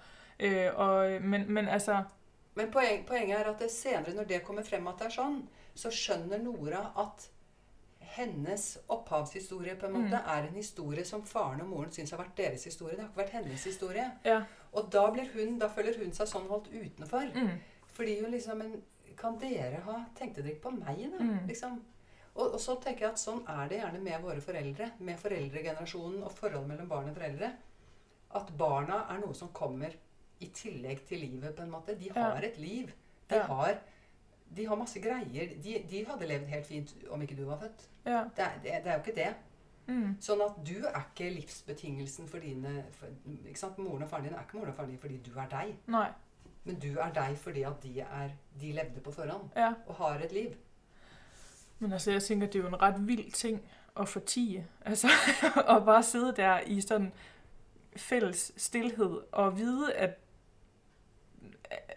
at, det, at, at så stor en ting er sket, men at man, man ikke sætter ord på det. Eller, eller sådan, jeg, altså, jeg tænker sådan lidt, at syns Øh, det er litt usannsynlig? nej, eller, eller nej, nej, fordi jeg synes, jeg Jeg tænker tror jo egentlig, at ikke det øh, er så. Nej, jeg tror ikke det heller, men, men, men bare at, altså, utrolig overbærende menneske ham faren, Ja. tænker jeg, Ja. som ligesom bare, men, men det kan jo også være for at skåne ham selv, altså, Ja. øh,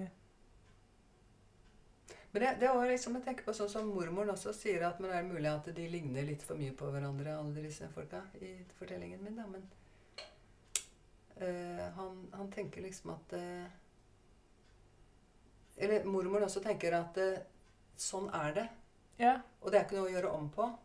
Og, og det, er ikke noe, det blir ikke noe annerledes ved at vi snakker om det. Eller noe sånt. nej, Eh, og, og det å At det er ting som ligger der, og som ikke blir fortalt. Jeg, tror ikke, jeg er ikke sikker på om Mm. det er så vanskelig for mennesker, egentlig. Å Nei. ikke fortelle ting. nej, Fordi at eh, alternativet til ikke å fortelle, er å fortelle. ja, Og når du forteller, så, så kan det, det kan fremstå som en helt sånn uoverkommelig At det kommer til å skje, dra så mye med seg.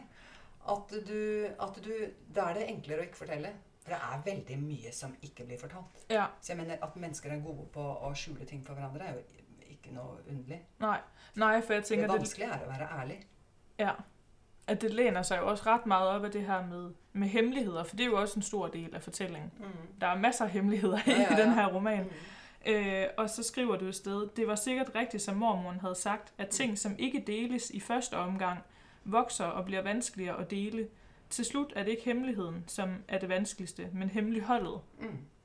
Øh, og jeg tænker, eller jeg kan tænke, om det også er lidt derfor. Øh, det bliver jo vældig ofte sagt, det her med, at øh, i mange forfattere, så skriver de for ligesom at belyse de vanskelige ting, de ting, som altså tabubelagte, det som er vanskeligt at sætte ord på, det vi ligesom bare fejrer ind under tæppet. Mm.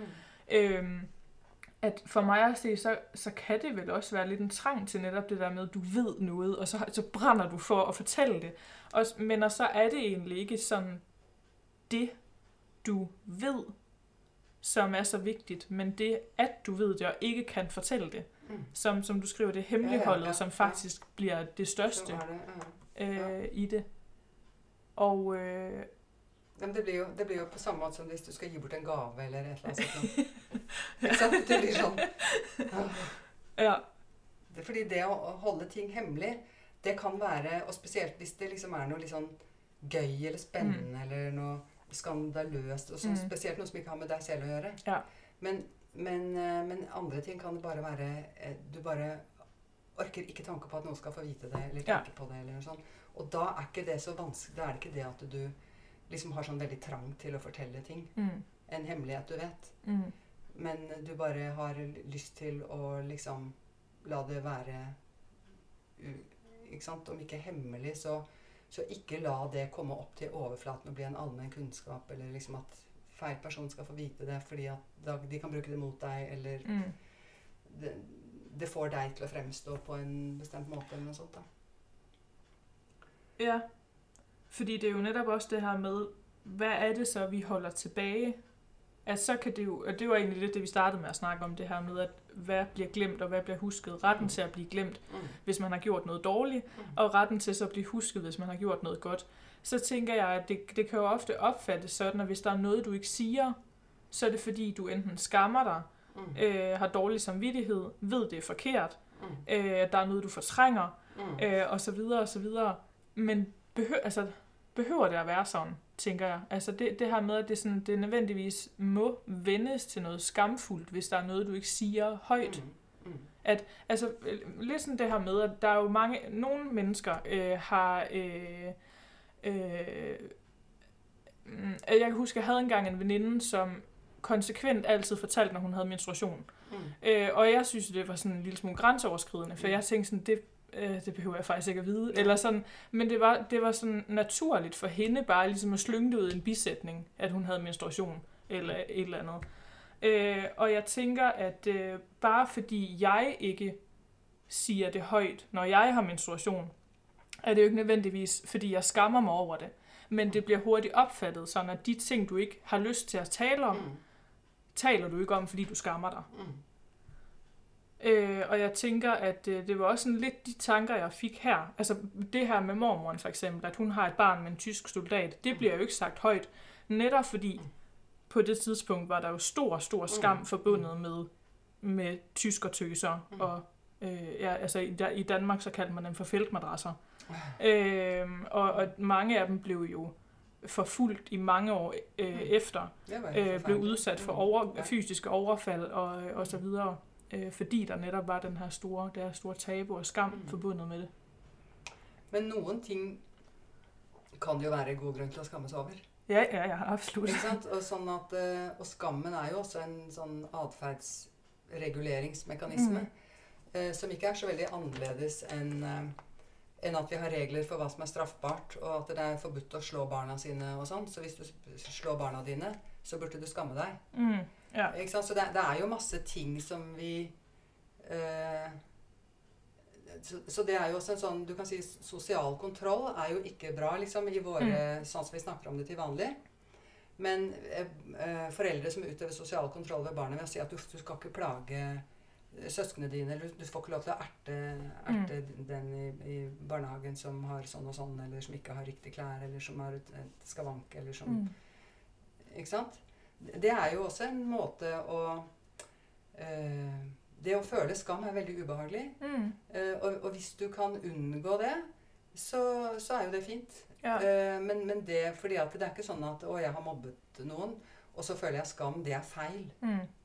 Altså Av og til så, så er det kanskje greit å føle på en skam, fordi at eh, jeg, tror at skam er en sånn Det kan jo hunder Altså det kan dyr også Mhm. gjøre. Hvis du liksom kler på Eller hvis, og hvis, eh, hvis jeg har liksom spist opp kyllingen som lå på benken, eller noe sånt, Ja. og så kommer den inn og sitter og skammer seg skikkelig. Ja. Så, så det er ikke Jeg tror ikke vi skal liksom tenke at det er noe sånn naturstudie, at det er ondskapsfullt. liksom, Nei. og det, det er bare en, det er en mekanisme. Vi er jo sosiale vesener som Mm. ønsker å bli eh, akseptert som en del av flokken, som en som Mm. ikke på, gjør masse uheldige ting. da. Ja, ja men og jeg tænker også lidt, at mange af de ting, som måske før har været skambelagte, og som man der har tænkt, men det skal, det skal ikke være nogen skam længere, så snakker vi os ud af skammen, og vi vil gøre det skam skamløst, eller altså det skal... Ja, ja.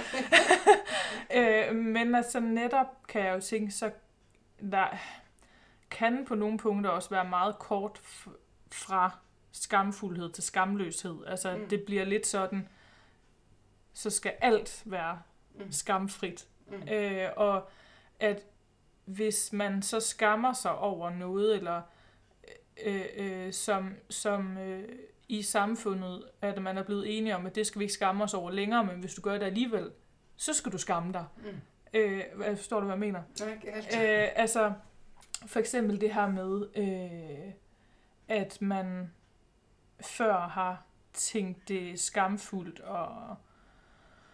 Mm, altså, der er rigtig mange ting mm, ved, altså ved kvinder, som er forbundet med skam. Mm. Det her med, at kvinder ikke skal være, øh, være for sådan promiskuøse eller ud af, altså sådan udfordrende ja. og Mm. så videre. Øh, og så øh, pålægger man kvinden en masse skam, for at hun skal dæmpe sig. Mm.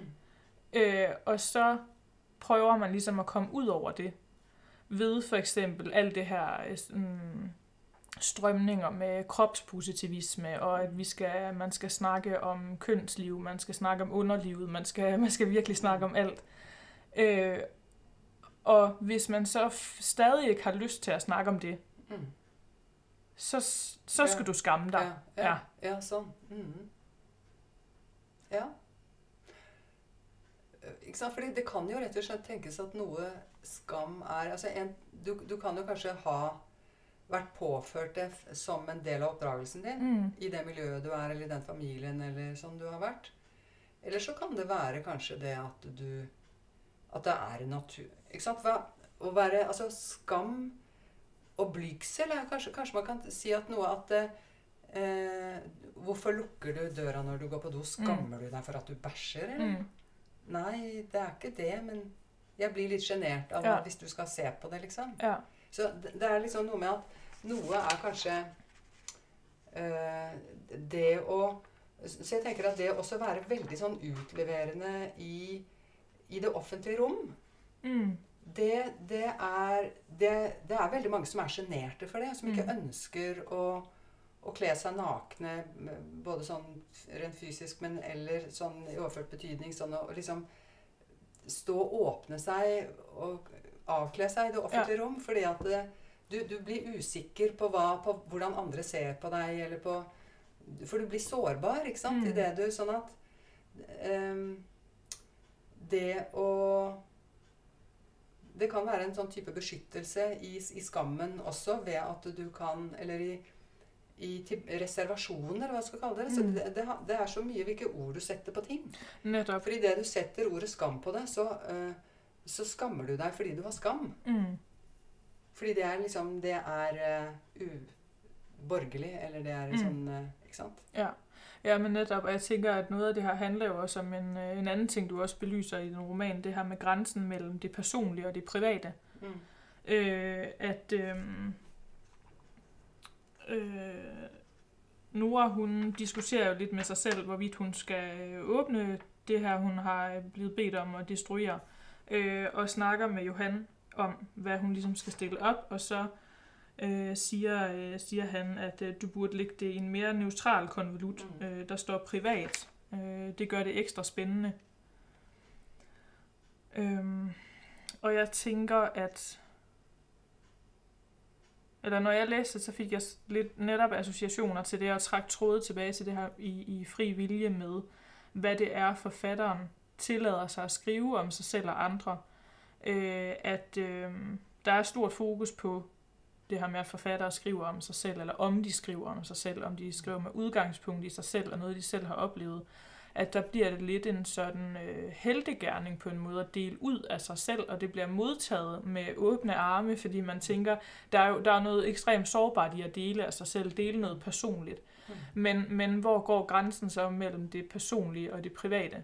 Mm. Fordi samtidig så er det jo, som du netop skriver, det er 10 gange mere spændende, når der står privat. Mm. Så vil vi virkelig gerne vide. Mm. Men, øh, men at man så alligevel også har et eller andet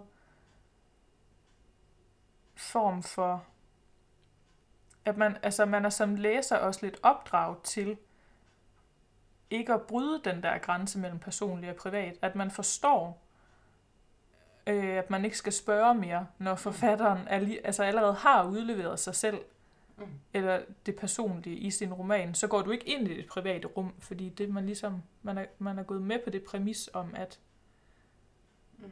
at der findes den der, ja, at der ja, findes en grænse mellem personlige og det private. Øh, ja, og, og det, det var litt av det jeg ønsket kanskje i Fri vilje, å si at ok, her er eh, Hvis dere først skal se på skittentøyvasken vår, ja. så, så, får dere se på alle Da må dere ikke bare se på mm. da, må dere se på, da må dere forholde dere til at det er en stor skittentøyskurv. Mm. Det er ikke bare én person som har skittentøy i en familie. Mm.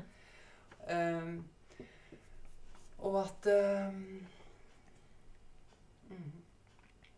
Nå kom jeg helt uh, ut av det med det bildet av den skittentøyskurven som uh, ja, jo, jo, nei, det med, med, at man ikke går videre. fordi at når man da, Det var, det var sant, akkurat det ordet skittentøyvask som ble brukt om, eh, om min bok. da. Mm. Eller, og det var min bok liksom som var det. Men da, da, da tar liksom anmeldere og kritikere og sånt, eh, og andre som er opptatt av litteraturfelt, og sånt, de sier at nei, å gå i andre folks skittentøyvask, mm. det holder vi oss for gode til. Ja. Og da, da, blir det liksom Da lar man det være med det. Mm. Og da er det liksom Noen får lov til å stille ut andres skitne truser. Mm. Og så får de selv beskyttet sine fordi at det, det er veldig u, ikke sant? Det er ja. upassende å komme og be om å få se trusen til forfatteren. Ja. Skjønner du? Det er fordi det kan man bare ikke gjøre. Mm. Men det er veldig, veldig modig å ha stilt ut trusene til resten av familien. Ja. Og, og, ja. ja, for det er jo litt det jeg tenker man ofte som leser kan glemme litt. Øh, det her med at forfatteren kan skrive om sig selv, og så selv trække en grænse for, hvornår mm. det er nok, hvornår bliver det for privat, hvornår går, eller hvor, hvor går grænsen fra det personlige til det private. Det er op til forfatteren selv at trække den grænse. Men det er også op til forfatteren at trække den grænse mellem de, forfatteren fortæller om. Øh, I forbindelse med min øh, masteropgave, som jeg netop har afleveret, så øh, læste jeg et uddrag fra en øh, roman af en fransk forfatter, som hedder Emmanuel Carrère, eller noget sådan. Øh, romanen hedder Yoga, hvor han, han diskuterer, hovedpersonen diskuterer det her med at bruge sig selv og andre i litteratur med en anden. og så kommer han med et rigtig godt eksempel, hvor han siger, at forskellen er jo, øh, altså han sammenligner det med torturoffre øh, og siger, at essensen af tortur er jo, at den, som torturerer den anden, ved nøjagtigt, hvornår det stopper. Øh, eller, eller nej, altså essensen af tortur er, at offret ikke ved, hvornår torturen stopper. Hvor meget værre det bliver, og om det bliver værre. Øh, fordi så, så siger han sådan det her med, til det med at skrive om sig selv. Så er der en, der siger, nej, men altså, jeg ved, hvordan det er, fordi Øh, jeg har selv prøvet det, altså øh, hvor, hvor øh, de diskuterer om øh, torturmetoden, det at få strøm, og hvor, der, hvor den ene han siger, nej, det er ikke så slemt øh, faktisk at få strøm. Altså, og så siger han, hvordan kan, du, hvordan kan du vide det? Nej, for jeg har prøvet det selv, på mig selv. Så han har siddet og taget strømelektroder på sig selv, og så har han selv styret styrken øh, af strømtilførselen. Og, og det er jo netop det, at han har selv stået for det, så han ved, hvornår det stopper. Mm. Han ved, hvor ondt det kommer, eller ikke hvor ondt det kommer til at gøre, men hvis det kommer til at gøre for ondt, så kan han altid stoppe. Mm. Men hvis du udsætter en anden for det, så har den anden jo ikke den magt til at sige stop, når det er for, når det er for meget, så, så forsvinder essensen jo af, af, af, af tortur. Nu, jeg, jeg føler, at jeg er lidt overforklaret det nu. Men, men i hvert fald, essensen af det er jo det her med, øh, det koster ikke så meget at skrive om sig selv, fordi du ved, hvornår du skal stoppe. Og det, ja, det, er ens, det at det er ens eget valg, Ja, det er, det er hele forskjellen. ja, men ja, netop. Og- eh, og, og jeg kan godt eh, liksom kle av meg, jeg, på Mm. Men det er noe veldig annet enn at noen, noen tvinger av meg klærne på Ja. stranden.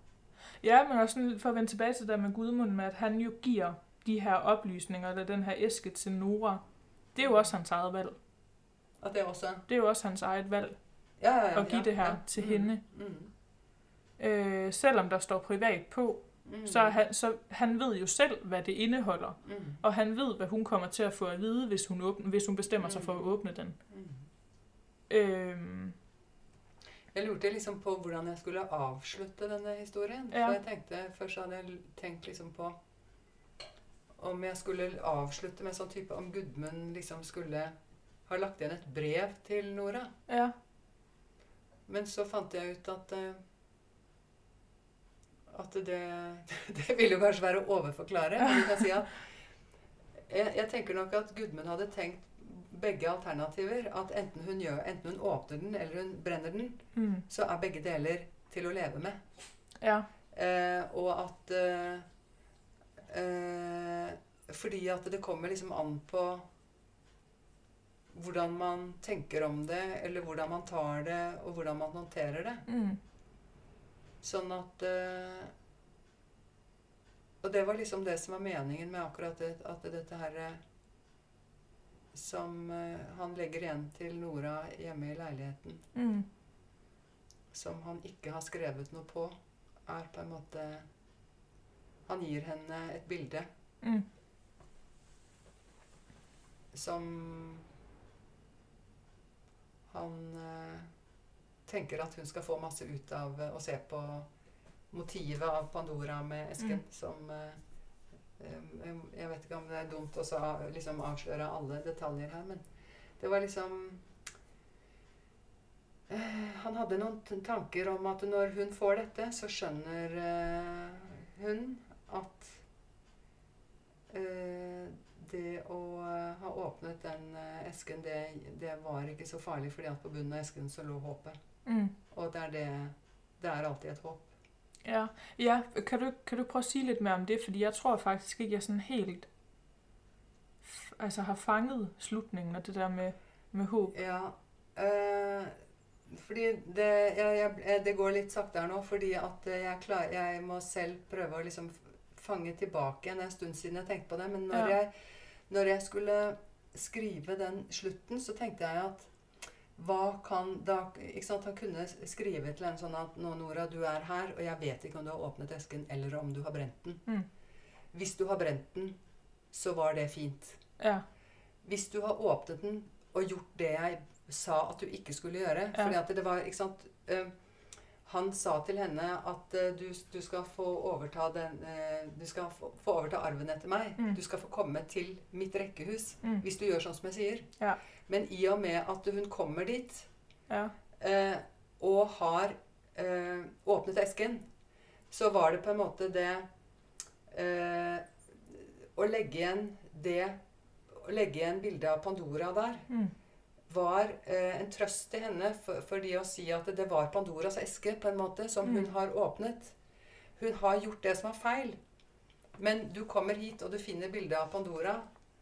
Og du gjorde ikke sånn som jeg sa. Mm. Men det gjør ikke noe, fordi at det er, det er uansett et håp. Fordi det er Skjønner du?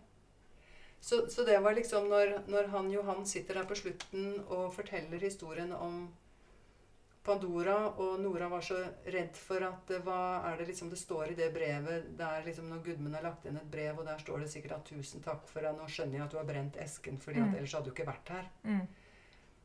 Men, men så er det bilde av, eh, av eh, Pandora, og så har han liksom ikke sagt noe mer. Og så var i hvert fall så tenkte jeg at det Det var en sånt uh, utstrakt hånd til henne om at uh, det er fint det, og Mm. sånne esker som åpnes, og det kommer ut mye rart. Men Ja. det går bra til slutt.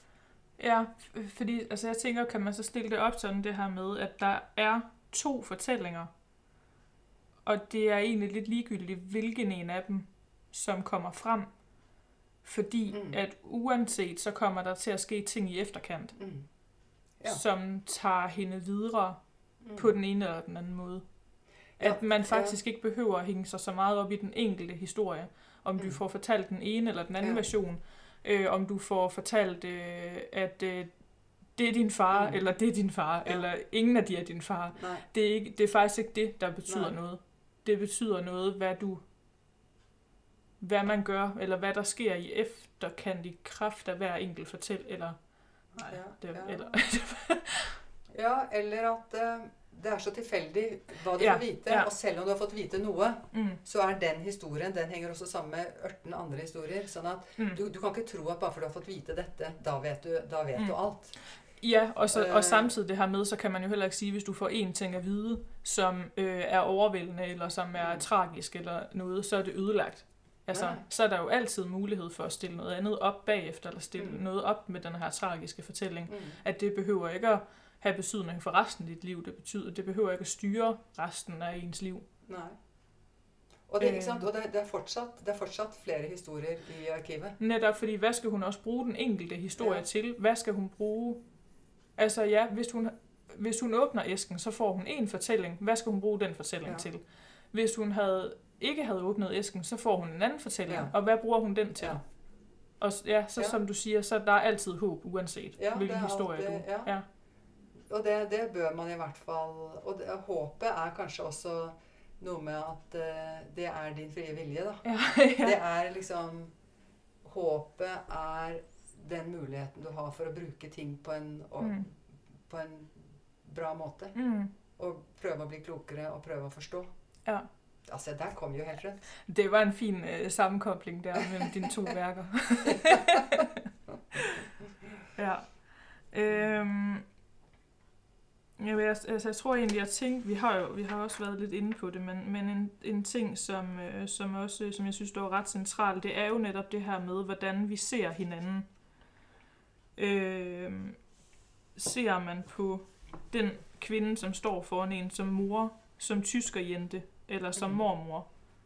Øhm, altså for Nora, så er mormor mormor, men hun forstår også efterhånden, at der er andet ved hende end krydsord og øh, du skriver et eller andet hvid, hvid sovs og Mm. kartofler eller Ja, sådan et eller andet.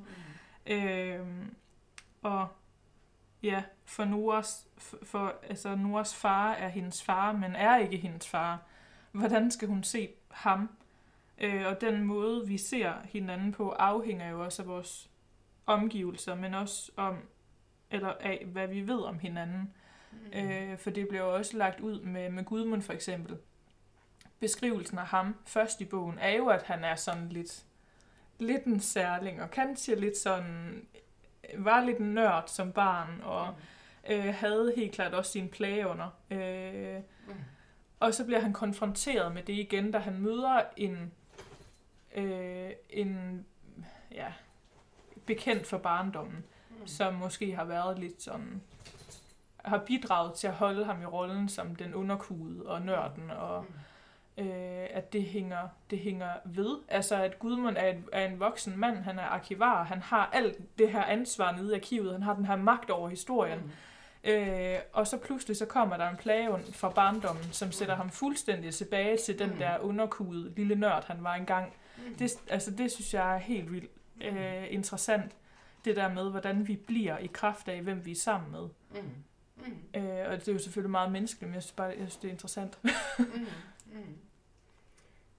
Og- men fordi det også er jo tenker jeg, Når man kommer ut fra familien Mm.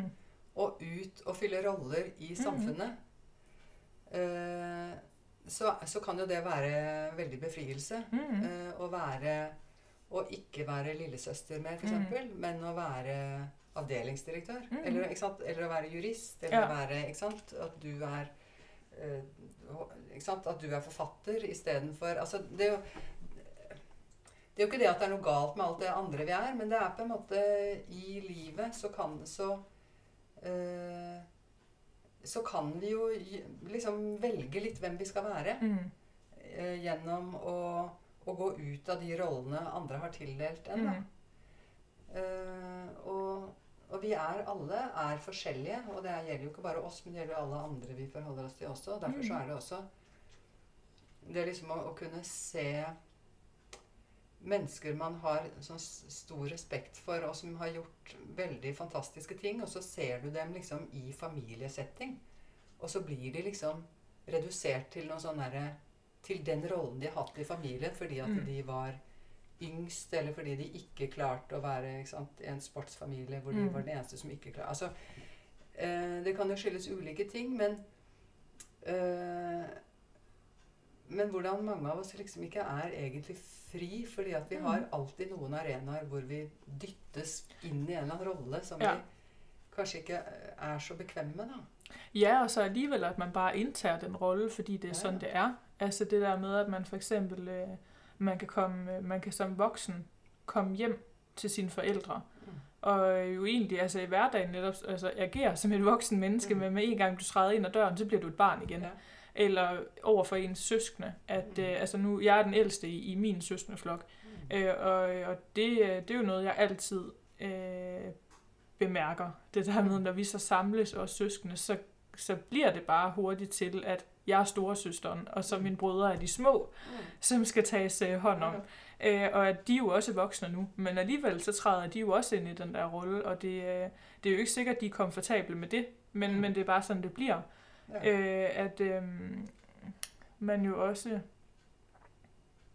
ja, man kan jo føle sig, man kan jo virkelig føle sig fanget i, i den, den form for roller, men øh, Men det er jo så du kan jo også velge å Sånn som vi har snakket om, at eh, det er masse andre historier, og at eh, den rollen du har, handler jo Mm. også om hvilken rolle du tildeler den andre. Ja. Hvis man liksom tenker at vi er i et sånt rollespill, Mm. hvor, hvor, eh, hvor det er noen eh, Det er noen roller i det, i Mm. det spillet. Og da tar du den, og så tar jeg den andre, Mm. og så er, holder vi hverandre der. Men det går jo an å, å skrive nye roller. Ja, ja, og, så, ja, og netop også, at øh, det er jo også lidt et, det er jo et valg, at jeg tillader Ja. nogen at ho- fastholde mig i en rolle, Ja. eller at Gudmund for eksempel tillader ham her, at det er strand, strand Stranden. ja, Mm. øh, tillader ham og behandler ham som en, Ja. som en lille, lille dreng. Mm. Ja. Øh, han kunne jo bare have sagt ifra og sige, noget lige, Ja, hør her, ja, jeg er et voksen biter han det menneske. i seg, og så Ja. tenker han den som ble sist ble best, for han vet at han har noe på han. Ikke? Ja. Ja, og, Ja. ja. og det er jo også en anden side af det, at øh, så har man lige sådan et, en historie i ærmet, man kan trække Mm. frem, Mm. hvis det er, Ja. at... Øh, Det kan være en slags trøst, at du føler liksom at ok, han tror han er storkar, men jeg vet nå at han Ja. har eh, Det kan være en viss tilfredsstillelse likevel. ja. S- uansett om du gjør noe med det eller ikke. ja, så- eller ja, sådan det der med, hvordan man udsætter sine karakterer for. At det, jo- det er jo også lidt det der med, som forfatter, så ved man nogle ting om sine karakterer, og du kan Mm. ligesom skrive noget frem. For der er jo et eller andet, øh, jeg, nu, jeg kan ikke huske, hvad det er, hvilken relation, men der er det Noras veninde, som dater et eller andet Mm. idiot, eller som Mm. viser sig at være en idiot. Mm. Og så viser det sig, at han har gonoré i munden. Eller sådan eller andet. og jeg tænkte bare, det er jo den ultimative hævn. og, og jeg, altså, en, eller sådan har jeg det i hvert fald selv, når jeg skriver, at så ser jeg jo indimellem en person for mig, Ja. når jeg skriver. Øh, eller jeg kan, jeg kan godt tage udgangspunkt i en, jeg kender. Mm. Øh, og så tænker jeg, åh, en eller anden dag, så skal Mm. nogen få gonoré i munden. øhm, nej, men det, ja, men det synes jeg bare var lidt morsomt, at det er jo også, det er jo også, det er jo forfatterens magt. Altså, Ja, ja, ja. Det å, men jeg husker når jeg, når jeg skrev den her, da. fordi at det, det er klart når jeg skrev eh, Fri vilje, så var det veldig sånn Plott og karakterene og Mm. sånn var der jo. Mm. Det kan jo bare innrømme det. Men her så Og jeg har jo fått mye En del som har sagt liksom at hun Nora her, hun er også bare sånn der snusfornuftig. Mm. Veldig sånn. Mm. Og, så, og så sa de eh, Redaktøren min sa at kan du ikke gjøre, utsette henne for noe sånt dritt, liksom. Mm. så jeg, men jeg kan jo ikke det. Stakkars henne, skjønner. Jeg synes jeg, så det er eh, når jeg skal skrive videre, og, og for det skal, må jeg nesten For det er jo gøy, så det har jeg Ja. lyst til. Men det, det er noe med å utfordre seg selv på vegne av sine karakterer på, til å være litt sånn eh, Ja. Det er, det er noe som de har snakket om i det, som var litt interessant i den derre om Atlantic Crossing. Mm. Hvor de sier at hele kongefamilien fremstilles bare som sånn der helte... Alle Mm. er så heltemodige, så det blir jo helt uh, utroverdig. Eh, og det blir sånn propagandistisk eh, opplegg. Eh, og eh, eh, det, kan- det kan man jo også, liksom Det er noe med det der å fremstille hvor, hvor mye sånn, Hvor dårlig skal et menneske også fremstilles for å være troverdig? Det er også litt interessant. fordi det kan tenkes at man må man være et dårlig menneske Mm. for å være troverdig? Ja. Eller, eller fins det faktisk mennesker som er anstendige, sånn, Ja. som er hel ved, på en måte? Ja. ja, fordi altså, mit indtryk af Nora var jo også, at jeg synes, hun var skide irriterende. Ja. Altså fordi hun var så korrekt, og, og det der med, at så kunne, så kunne der blive beskrevet et eller andet, at hun tænker på et eller andet, og så, så tænkte jeg, ja ja, men Ja. hvad så med? Og så 10 sider senere, så viser det, at det har hun også tænkt på. Ja. Så tænkte jeg sådan, det var da utroligt. Ja. Øh, men men øh, jeg tænker, at det kræver jo også enormt meget mod og overskud og ture at være så perfekt. Altså fordi det er, det er jo lidt det der med, det, der opstår et eller andet sådan form for jantelov i mødet med perfekte mennesker. Ja. Altså der, der, er ikke, der er ikke nogen, der kan lide perfekte mennesker. De, altså de er bare skide irriterende. Mm. At, at man bliver provokeret af ordentlige mennesker Mm. gennemgående ordentlige mennesker. Øh, fordi det vel også taler lidt til, det minder en om ens egen dårlige sider. Eller det der med, man, hvis man møder en person, Men- som øh, øh, er en modsætning til dig selv, eller hvor, hvor den person kommer til at fremstå som et gennemgående godt menneske, mens du selv står i dårligt lys over sammenlignet med det her menneske, så, så bliver man jo provokeret. Så begynder man jo at hade lidt den person. Hvorfor skal du være så perfekt? Og, Men, er det, men handler ikke det mer om Altså, Man blir ikke så irritert på Jesus fordi Mm. at Jesus var, hadde forståelse for For intet menneskelig var han fremmed. ja, Så, så det er et eller annet med at det, det, det kan jo ikke være galt å være perfekt hvis du bare har, er så perfekt at du også har aksept for at andre mennesker ikke er perfekte. ja, Altså Det er noe med å, å ikke være fordømmende i all sin eh, i all, ikke sant? Og ikke være skinnhellig på en Mm. måte, men det å Sånn at eh, men, men, Men at du blir provosert, er jo at det er, det er jo en interessant liksom, observasjon sånn i Mm. det hele tatt. Da.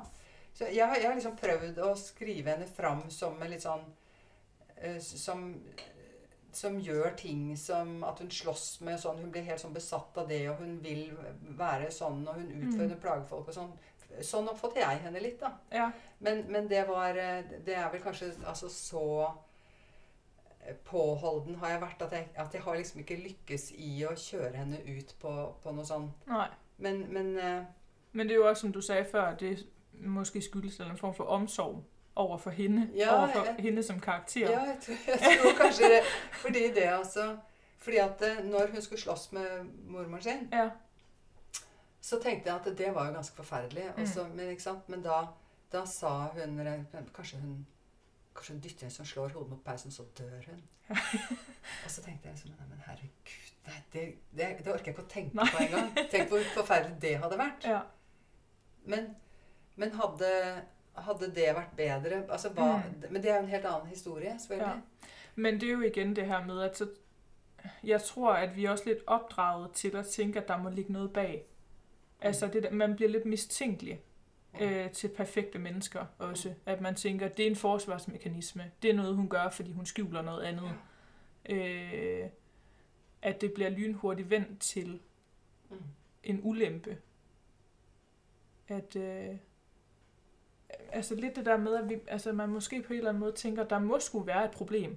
Mm. Altså det kan, det kan ikke være rigtigt, at der Mm. ikke er det. Øh, Ja, men, så du og at, at det måske også er derfor, at det bliver mere troværdigt, hvis der, det netop er en protagonist, som også har nogle slagsider. ja. mm.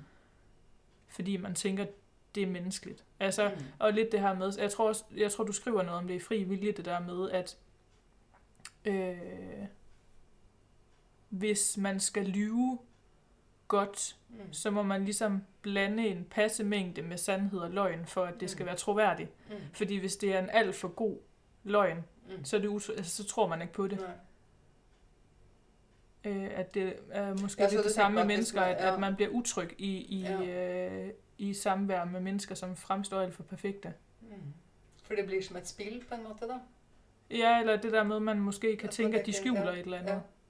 Og det å skjule noe er jo en type spill, men man kan Ja. jo eh, Det er jo mange måter, mye man kan skjule. Man kan jo skjule ting gjennom å spille at man har masse at, Ikke sant? Det kan, Mm. Man trenger ikke å bare skjule ting ved å late som man er perfekt. Nej.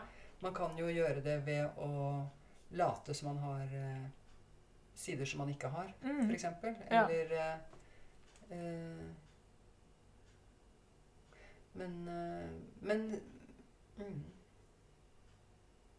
Mm. Jeg får tenke på liksom, hva, hva, hva skulle det ha vært Men, men nå, nå, nå, vi, eh, nå spør jeg litt, fordi at eh, jeg er jo Jeg har veldig lyst til å skrive mer. Jeg har lyst Ja. til å lære, på en Ja. måte.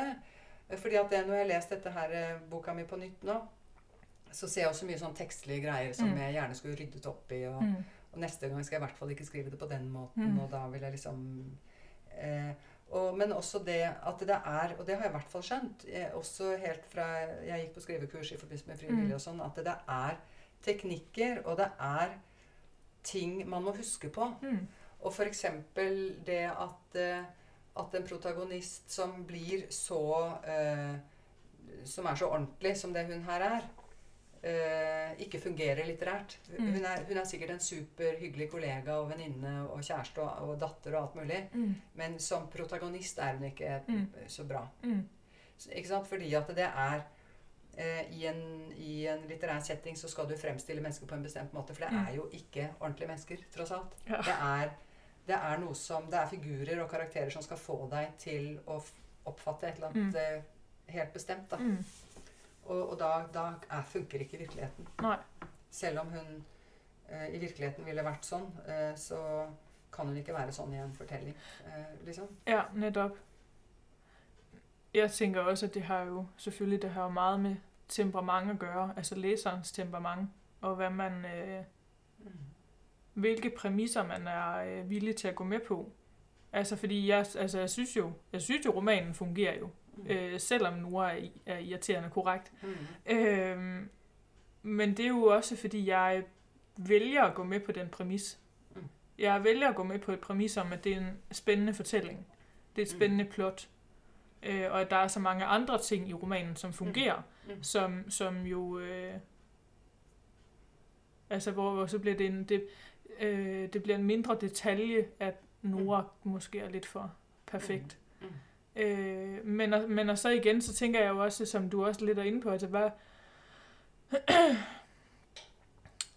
Øhm, hvor, hvorfor ikke være det? Altså, hvorfor ikke være perfekt? Altså, hvorfor, hvorfor ikke være gennemgående god? Mm. Hvorfor er det ikke troværdigt? Hvorfor er det ikke troværdigt, at der findes øh, den slags mennesker? Mm. Øh, hvorfor, hvorfor bliver man mistænksom? Ja, men det er som du sier, eh, at det kanskje nettopp handler om deg selv. Ja, At, eh, at eh, et, et menneske som er sånn, setter fokus på sider hos deg selv hvor du, som ikke er så gode. da. mm, Og du blir minnet om sider hos deg selv, og, da tenker, og for å beskytte deg selv mot den tanken, så tenker du at hun er heller ikke så bra egentlig. Det er bare fake, liksom, for Ja. hun kan ikke være så perfekt. Nej, for det er netop også det der med, at jeg fik lidt fornemmelsen af, at hun er lidt sådan apatisk, eller ikke apatisk, men sådan at mange af de ting, hun tænker igennem og bliver udsat for, det er ligesom om, at der bliver ikke rigtig sådan udløst øh, nogle sådan øh, dybere liggende følelser i hende, at hun, hun virker meget nøgtern. Mm. Øh, men så bliver det jo også sagt, hende, veninden her, Hedda, siger jo et eller andet ting på et tidspunkt, noget med, øh, at hun trænger til at blive ordentligt vred, eller, Mm. eller sådan, kom ud med din vrede, eller sådan, Mm. hvor, og det, det tænkte jeg også flere gange, sådan, så kom nu, altså. øh, at, at jeg føler jo, når jeg læser om hende, at der er meget, hun lægger låg på. Mm. Og jeg tror, øh, igen det der med at, så at være blive lidt mistænkt som, eller mistænkelig i forhold til hende som karakter, at Mm. jeg jo jeg jo læser med en fornemmelse af, at der ligger noget under, som hun ikke får ud. Eller, men, fordi, men, men er det det så, øh, igen jeg husker jo ikke helt, men, men er det det, der er tilknyttet til det med, at hun så til sidst skubber sin mormor? Altså at hun til sidst får bygget så meget vrede og frustration op, at det Mm. faktisk ender med, at hun Mm. skubber til mormoren Mm. og får, får du noget ud. det eh, Ja, det vet jeg ikke helt om det er da. Nej. Men det er eh, Hun blir jo helt besatt av å finne liksom, innholdet og få vite Mm. hva det er i det brevet. da.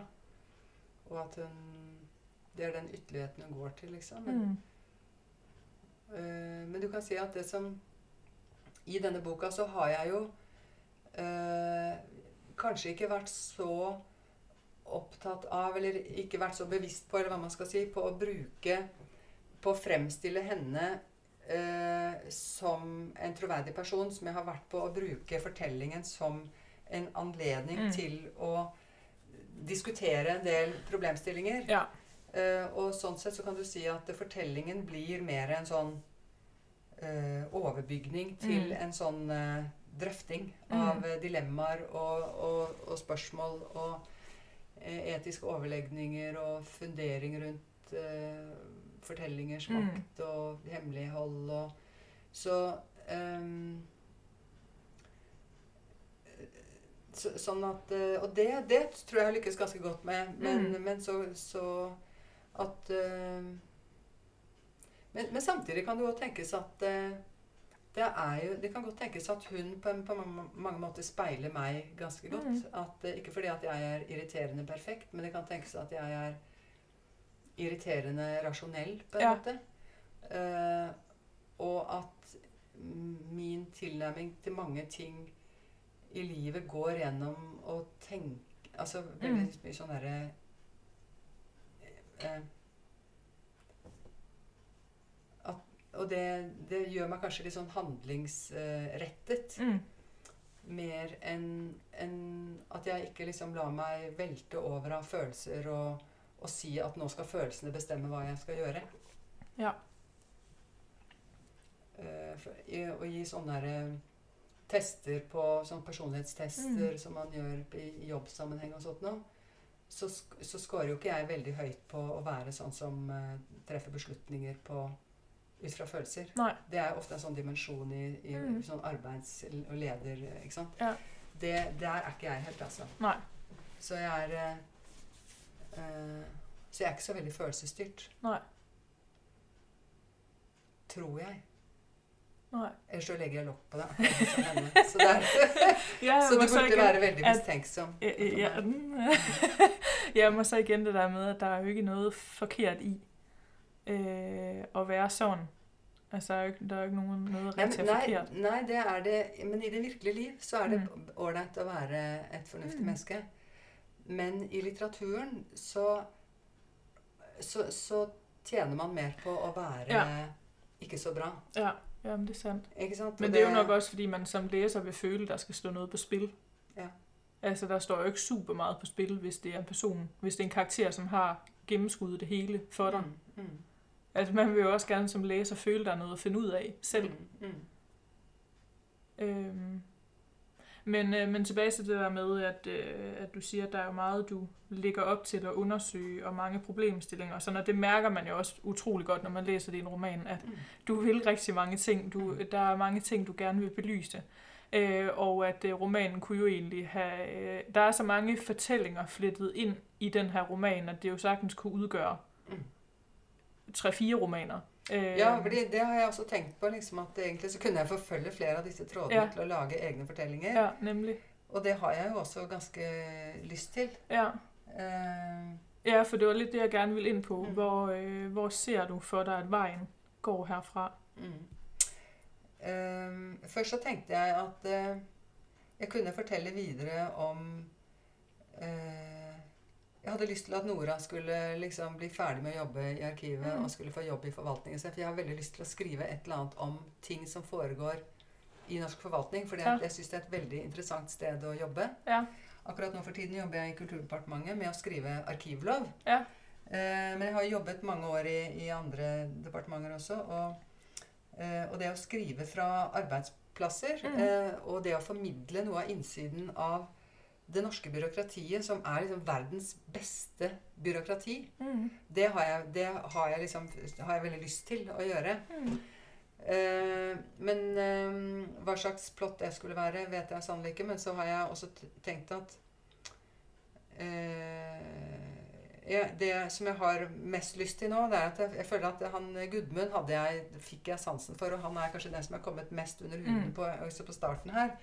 Så egentlig så har jeg litt lyst til å eh, å undersøke litt videre hvor, hvorfor Gudmund kom dit han var, og hva Ja. som skjedde i den korte perioden når han var syk. Og, og Ja. hvorfor hva, hans overlegninger rundt dette her, hvordan han skulle dra Nora inn i dette. Ja. Hans forhold til Å prøve å finne ut av den fortellingen, hva det egentlig var som skjedde med forholdet til moren og Mm. videre sånn. Mm.